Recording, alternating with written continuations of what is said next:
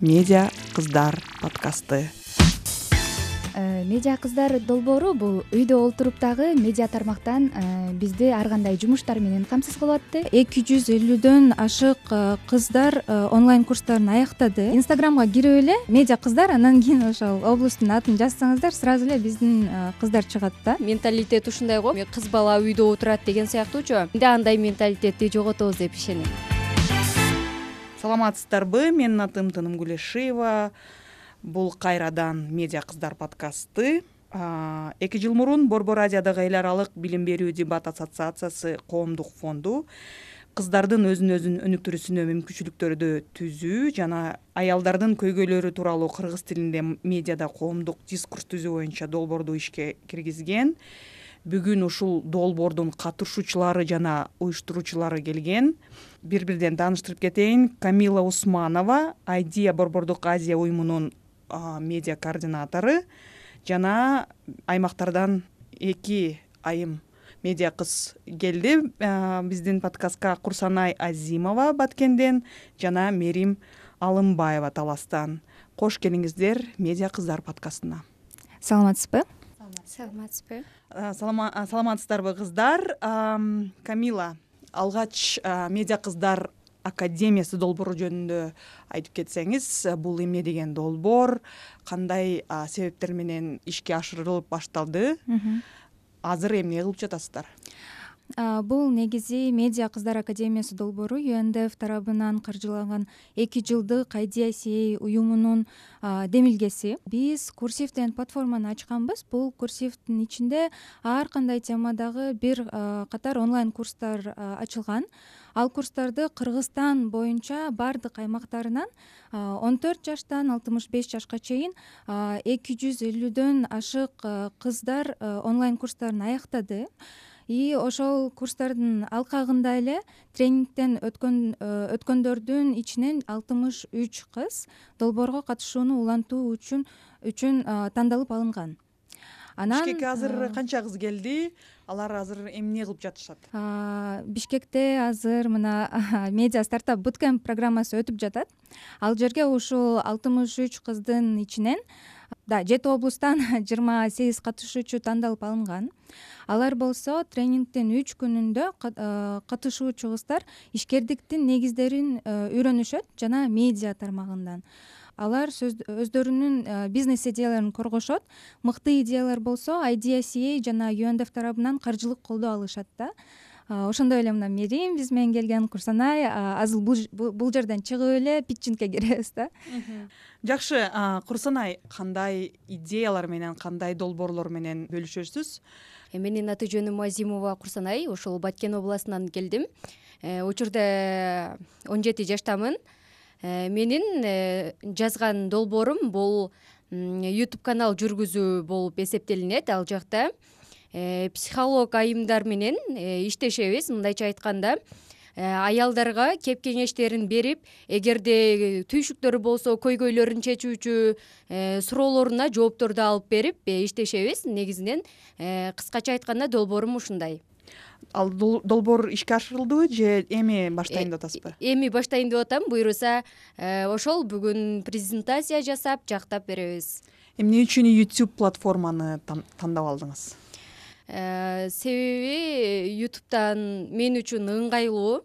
Ютубтан э, просмотр көп кетиш үчүн э, алгач тик токко кыскача видеолорду киргизебиз жана толугун ютуб каналдан көрөсүздөр деп мындай угуучуларды көрүүчүлөрдү кызыктыруу үчүн ошентип ишке ашырайык деген идеябыз бар. Жакшы идея экен курсанай мерим сиз таластан келдиңиз. Медиа кыздар академиясы долбооруна катышуу эмне түрткү болду катышууга? Э, мен бул долбоорго катышып калганымдын себеби мен өзүм э, бир баланын энеси болом. Анан үйдө олтуруп э, негизи иштеп жүргөн аялга үйдө олтуруп калуу бул өзүнчө бир мындайча айтканда бир чоң жумуш жумуш экен да анан үйдө олтуруп дагы кошумча нерселер менен алектенүү максатында мен атайын ар кандай долбоорлорду же ар кандай нерселерди мүмкүнчүлүктөрдү издеп баштагам. Ошол учурда ушул медиа кыздар долбооруна э, туш болдум десем болот. Анан ушул долбоордун аркасында э, көптөгөн жетишкендиктерге дагы жете алдым. Үйдө олтуруп бала менен деп айта алам да кандай жетишкендиктер? Э, мисалы үчүн э, медиа кыздар долбоору бул үйдө олтуруп дагы медиа тармактан э, бизди ар кандай жумуштар менен камсыз кылып атты гонорар менен. Андан тышкары бизди мисалы телевидениялардан атайын стажировкалардан өткөрүп дагы кошумча медиа кыздардан дагы башка долбоорлорго дагы мүмкүнчүлүк түзүп берди деп айтсам болот да. Таласта жаңы медианын колдонуусу кандай? Деги эле сиздин баалооңуз боюнча мисалы үчүн таласта көбүнчө ушул мисалы э, мекемелер бар эмеспи аки пресс деген сыяктуу ошондойлор эле мындай таанымал болбосо жаңы медиа эми келип атат да талас ичине. Мисалы үчүн подкаст эле ала турган болсок подкаст таласта жокко эсе деп айтсак болот. Эми эми жаңыдан келип атат да. Аны дагы алып келаткандардан бизбиз деп айтсак болот. Кайсы медиа каналдар көбүнчө мындай көрүлүктүү деп айтсак болот же мындай угулуктуу талас ичиненби таласта. Э, таластан көпчүлүгү ушул э, таласта өзү эки радио эми эки телевидение бар. Ошол экөөнү эле көп көрүшсө керек негизи телевидениядан а мындай жаңы медиа youtube тик ток ал тармакта азыр жаңыдан келип атат талас ичине. Ошондуктан азыр андай тармакта мындай вау деген канал ачыла элек да. Курсанай баткенде жаңы медиа менен акыбал кандай Э, билбейм менин көз карашымда ошол бизде бир тв бир радиобуз эле бар негизинен э, алар деле жакшы иштейт э, бирок мындайча айтканда соц сет менен канал жүргүзгөндөрдү билбейт экенмин мен ушул убакка чейин анан бизде дагы эле ошол эми эле өнүгүү үстүндө келе жатабыз деп айтсам болот. Камила айым кыргыз тилдүү контент көбөйтүү экен бул э, долбоордун максаты? Канчалык деңгээлде ушул максатка жетип жатасыздар? Кандайдыр бир э, мындай кичи долбоорлор ачылдыбы?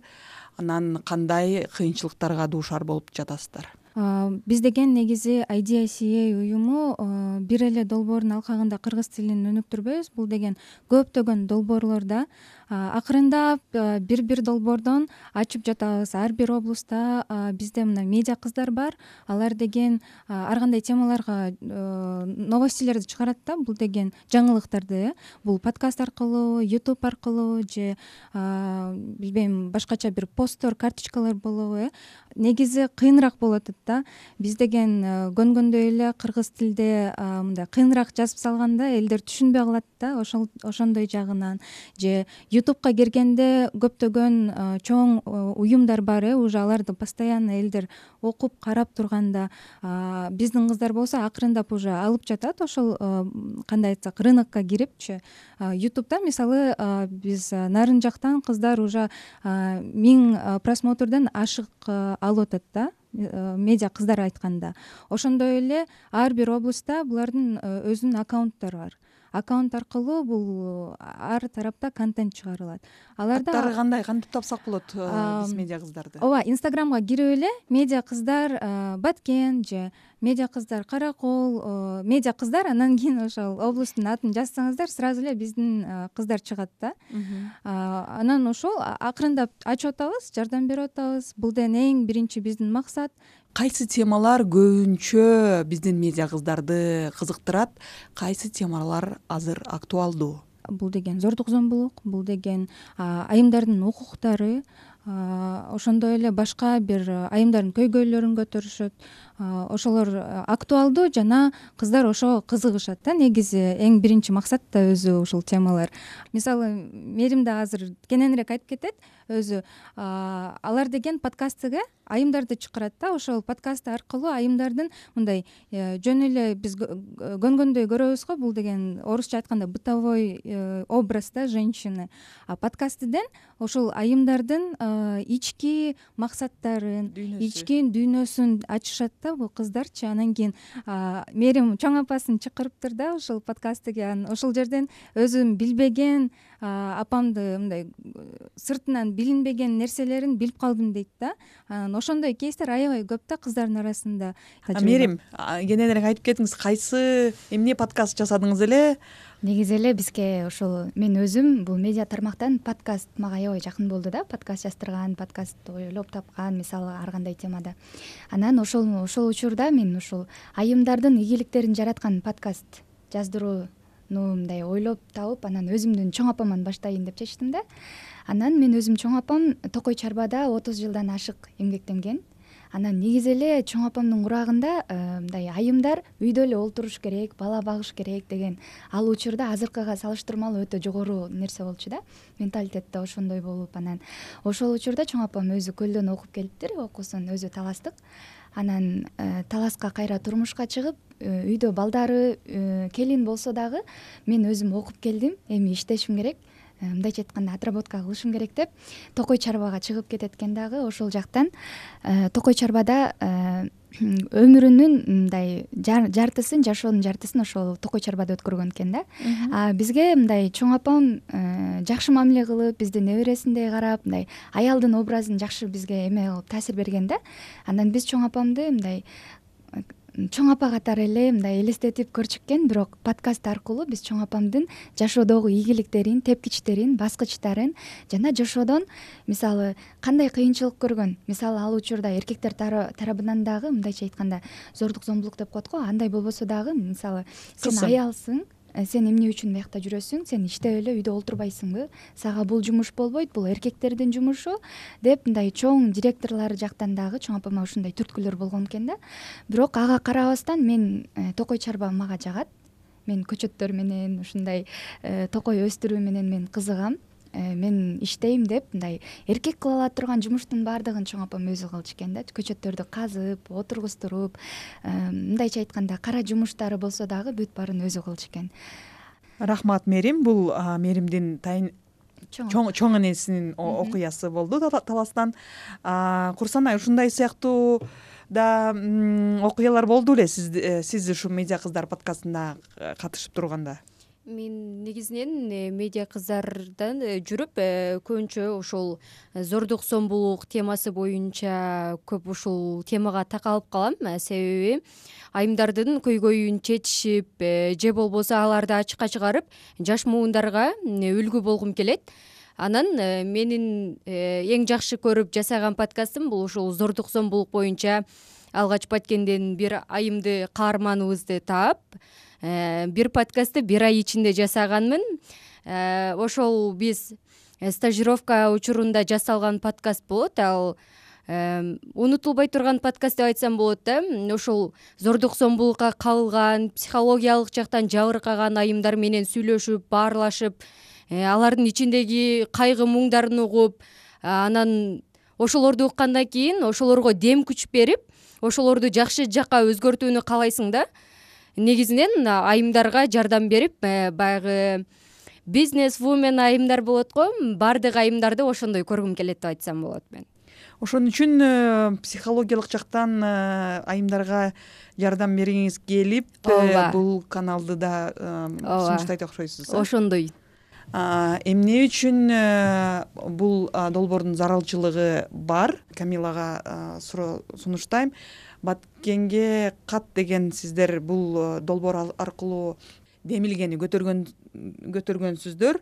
Ал демилге кандай ишке ашырылды? Канчалык деңгээлде ушул психологиялык жактан жардам берүү азыр э, актуалдуу ооба бул жыйырма экинчи жылы күзүндө биз деген ошол баткенге кат деген каттардын марафонун баштоо түрүндө колдоо көрсөткөнбүз айдиа тарабынан.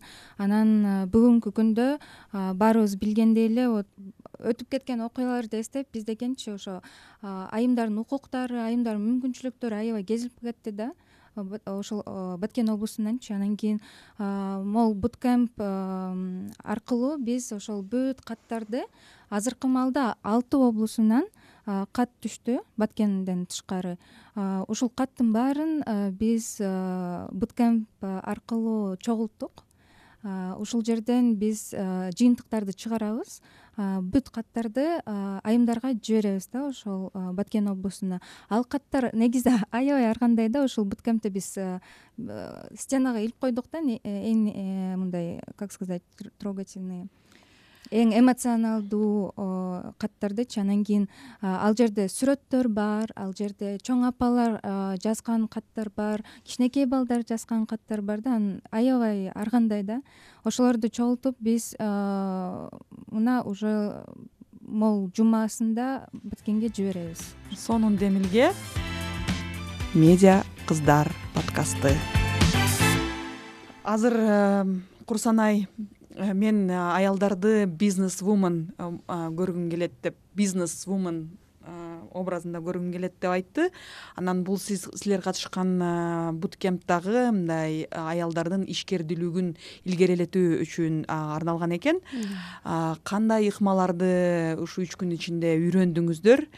Эмне жөнүндө сүйлөштүңүздөр?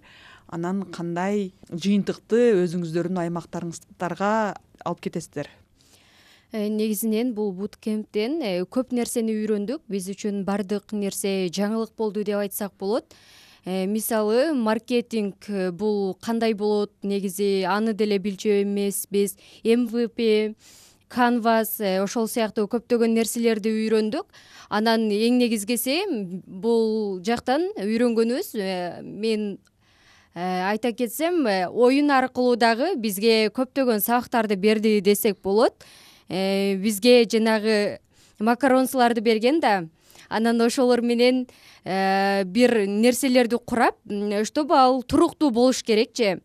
Э, ошондо биз түшүндүк мындай адам канчалык айымдар бири бирин колдоп биргеликте болгон сайын иши илгерилеп ошол эртерээк бүтөт экен жана ал сапаттуу болот экен деп ошол түшүнүк келди мага. Э, негизинен э, биз биринчи бул долбоорду баткенден ар кимибиз өз областыбызда жазып келгенбиз. Бирок ушул буткемптен үйрөнгөн методдорубуз менен карасак э, көптөгөн каталарды кетирип коюп турбуз биз биз жазганда же медиа багытында болбой калат же туура эмес жазып коебуз же болбосо мындайча айтканда көзүбүз жетпей турган нерселерди эле оюбузга келгенин эле жаза бериптирбиз да анан буткемптен үйрөнгөндөн кийин э, муну кыла аламбы кыла албаймынбы деп э, ушул эки күндөн бери өзүбүздүн каталарыбыз үстүндө иштеп атабыз. Мерим эмнени үйрөндүңүз? Бул жака бизнес план даярдап келгенбиз долбоорго. Анан бирок тилекке каршы биз бул жактан буткемптен үйрөнгөн эки күндө үйрөнгөн э, бизнести кантип баштоо керек? Анан бизнестин түрлөрү кандай болот? Анан аны э, мисалы атайын каржылар болот эмеспи? Ошолорун да биз туура эмес эсептептирик да үйдөнчү мисалы таластан. Анткени биздин ушул бизнес боюнча толугураак кененирээк бизде э, маалымат билим болбоптур да. Анан бул эки күндүн ичинде биз көптөгөн нерселерди үйрөнө алдык. Мисалы Э, кандай десем биз э, медиа тармакта атайын бир бизнес план жазып келгенбиз дейли анан бирок ал бизнес планыбызда э, ишке ашыра ала турган каражаттар толуктуу болгону менен бунун узактыгы биз биз ойлогондой бир жылга узакка созулбай эле жабылып калышы мүмкүн экен да. Биз ошолордун алдын ала турган атайын методдорду үйрөндүк десем болот. Камила менин түшүнүгүм боюнча жеке эле медиада эмес э, медиа аркылуу өзүнүн э, ишкердүүлүгүн илгерилетүү үчүн жыйын болгон. Кандай бизнес идеялар көбүрөөк э, талкууланды. Биз деген кечөөнү ошол кыздар менен отуруп сүйлөштүк да. Анан көбү э, бул ютуб менен подкастты алектенишет экен да. Эмне дегенде эң актуалдуу э, тармактар деп ойлойм.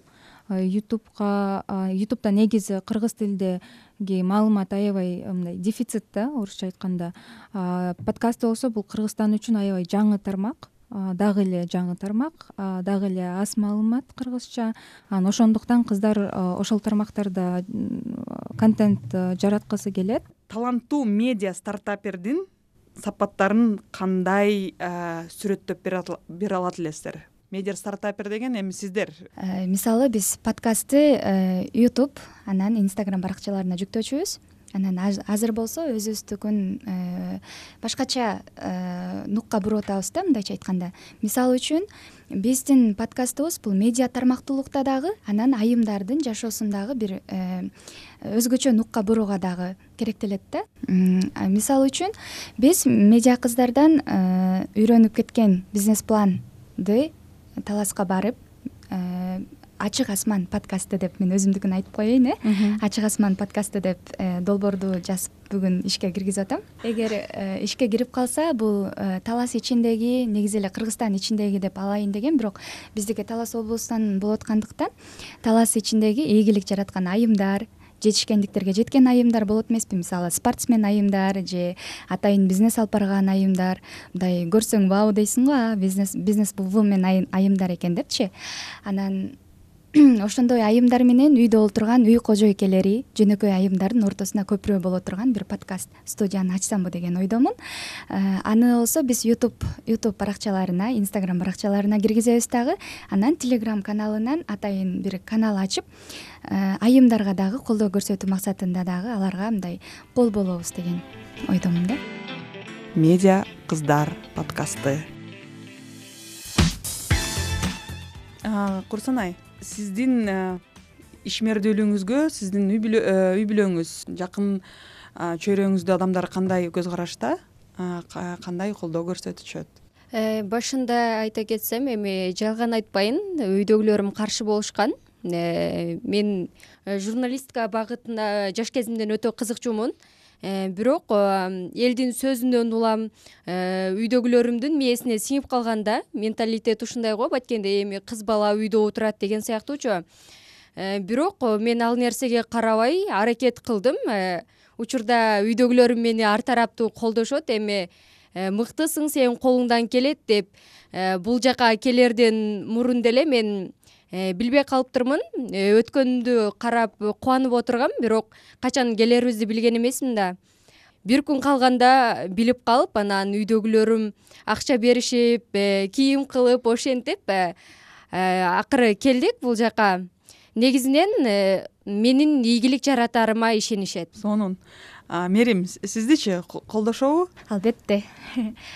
Курсана айткандай эң биринчисинде мындай билбейм эмнегедир мен үйдө жолдошум э, кайненем да чогуу жашайбыз да бизчи үйдө жалгыз келинмин да кичүү келинмин анан үйдөгү жумуштардын түйшүктөрдүн баары менин башымда менин мойнумда десем болот. Бала дагы үй оокаты дагы. Анан э, бирок э, эмнегедир мен дагы кошумча билим алып кошумча дагы үйдө олтуруп дагы мындай бизнес кылгым келе берчү да.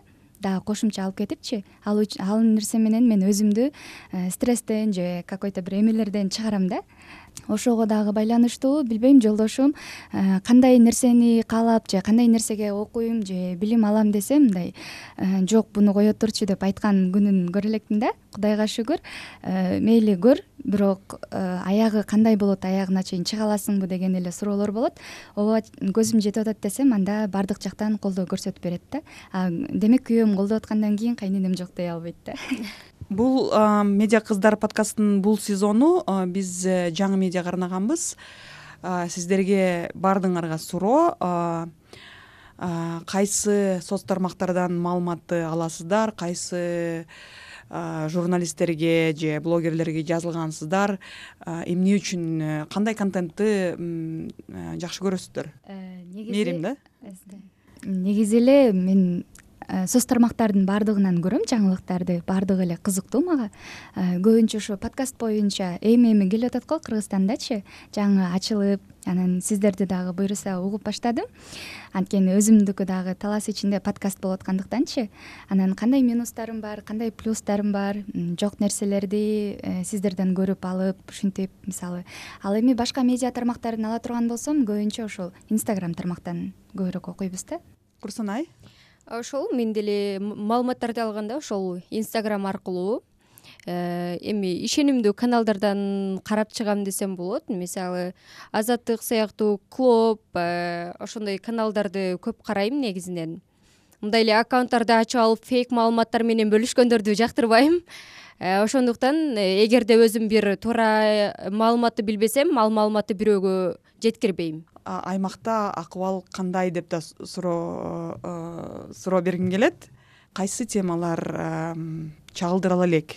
Э, кайсы темаларга көңүл бурушубуз керек? Эми чагылдыра элек деп айтпайм бирок э, биздин баткенде эми акырындан келе жатат. Бул жана башында айтып өткөндөй эле зордук зомбулук темасы боюнча. Э, мунун үстүндө көп иштешибиз керек десем болот. Себеби э, башка областтарга караганда баткендин менталитети бир топ эле күчтүү аял сен отурушуң керек үйдө сен үй жумушун жаса деген сыяктуу сенин колуңдан келбейт деп. бул эми баткен эле эмес э, бүт эле кыргызстан жалпы эле. ооба ошондой негизинен бирок баткенде бул нерсе күчтүүрөөк да мисалы э, кошуна колуңдордон деле көрүп жүрөбүз туугандардын ичинде деле көрөбүз. Э, бирок э, унчукпай каласың да ал нерсени ачыкка чыгара албагандан кийинчи ошол себептен биз эми акырындан келатабыз буюрса баткенде андай менталитетти жоготобуз деп ишенем. Амбициялдуу максат экен мисалы менде деле менталитетти жеңдим мен ушундай болдум деп айта албайм. Бизде дагы болот. Э, келиндер келиндер үйдө олтуруш керек деген сыяктуу менде дагы бар. Анан бирок ошол нерселерди акырындан акырындан мисалы медиа тармактарда атайын чагылдырсак мисалы кандай десем мисалы айымдардын ийгиликтерин а демек айымдар ушундай ийгиликтерге жете алат экен. Айымдардын көйгөйлөрүн а демек бул айымдын көйгөйү бар экен менде дагы бар.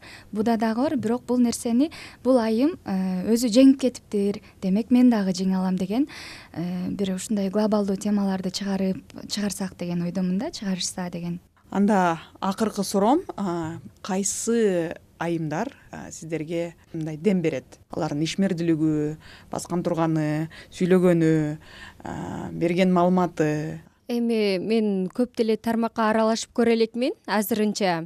Э, ошол себептен э, мен өзүм үлгү ала турган э, мен үчүн мыкты айым деп эми өзүбүздүн менторубузду айткым келет. Негизинен миңгүл көчөрова баткенде иштейт твда өтө сонун айым. Э, ага караган сайын биз мотивация алабыз.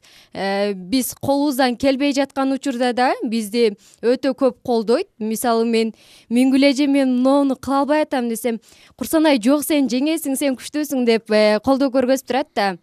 Анан өзү да тыпылдап иштеген өтө сонун эже мен айта кетсем э, биз деле ушул медиа тармакта кошулуп ушул чоң чоң ийгилик жараткан айымдар менен таанышып атабыз да бир канчасы менен. Анан прям ошолордун ичинен мен ушул ушул айымды көрүп суктанып ушундай болгум келет деп айта турган айымдар бирөө эмес бир канча. Аларды айта берсең түгөнбөйт дегендей. Анан ошолордун ичинен мен дагы ошо э, блогерлер тараптан же атайын аттарын дагы айтыш керекпи жок мисалы мисал кылып айтканда балдары менен беш алты баласы бар болсо дагы бизнес кылып аткандар же болбосо э, үйдө олтурса дагы мындай качан көрбөйүн билим алууну токтотпогон айымдар бар да. Ошолорду көргөндө мен өзүмө үйдөн э, кээде айым айым канча жерден күчтүү болуп атса дагы бир чарчаган убакыт болот да. А мен ушуну токтотуп эле салбаймынбы дегенчи. Ошондой учурларда ошондой айымдарды көргөндө өзүңө мотивация аласың да. А демек мен дагы колуман келет. Мен дагы бир канча жылдан кийин ушундай нерселерге жете алам деп. Анан мен дагы өзүмдүн э, үйдө олтуруп калгандан кийин мага мотивация берген адамды айткым келип атат. Бул жерде биз дагы бул жерде менторубузду айтам. Бизде айгүл эжебиз болду. Э, айгүл эжебиз мындай өзүнүн үч баласы бар. Үч баласы бар болсо дагы биз ал эжени мындай сырттан өзү бир талашчанка журнал дегенди алып барат да. Мындай жапжаш көрүнөт. Биз аны жаш кыз экен деп ойлочук. Үй бүлө курган бирок балдары жок экен депчи. Билимдүү и жумуштары дагы бир канча жумушту аткарат да. Рахмат камила жыйынтыктоочу сөзүңүз барбы? Бул долбоор жөнүндө келечеги жөнүндө жыйынтыгын качан көрөбүз? Каерден табабыз. Кайсы жерден окутуу материалдарын тапсак болот айтып кетсеңиз. Жакында биз деген ошол idca деген сайты дагы бар. Ошондой эле инстаграм бүт социалдык тармактарда биз барбыз ошол жерде жыйынтыктар менен сөзсүз бөлүшөбүз окуялар менен бөлүшөбүз да. Анан өтүп кеткен бүт долбоорлорду публикацияга өткөзөбүз. Ошол жерден таанышсаңыздар болот. Келе жаткан убакытта биз деген ошол долбоорлорду колдоп ошол долбоорлорго ийгиликтүү ишке ашырууга ишенебиз. Дайыма колдойбуз кыздарды. Айтып кеткендей ментор айымдар бар э ошондой эле айдия бар. Айдия күн сайын колдоо көрсөтүүгө даяр. Рахмат камила. Долбооруңуздарга чоң ийгилик. Биз менен курсанай азимова баткенден келди. Мээрим алымбаева таластан булар айдия борбордук азия коомдук фондунун медиа кыздар академиясынын катышуучулары медиа стартап буткемпинин бүтүрүүчүлөрү. Азыр өзүлөрүнүн долбоорлору менен алек. Сиздер менен медиа кыздар подкасты болду. Менин атым дыным гулешиева бизди соц тармактарда менин жеке баракчамда тынымгүл баракчамда тапсаңыздар болот. Жазылгыла уккула медиа кыздар подкасты. Чоң рахмат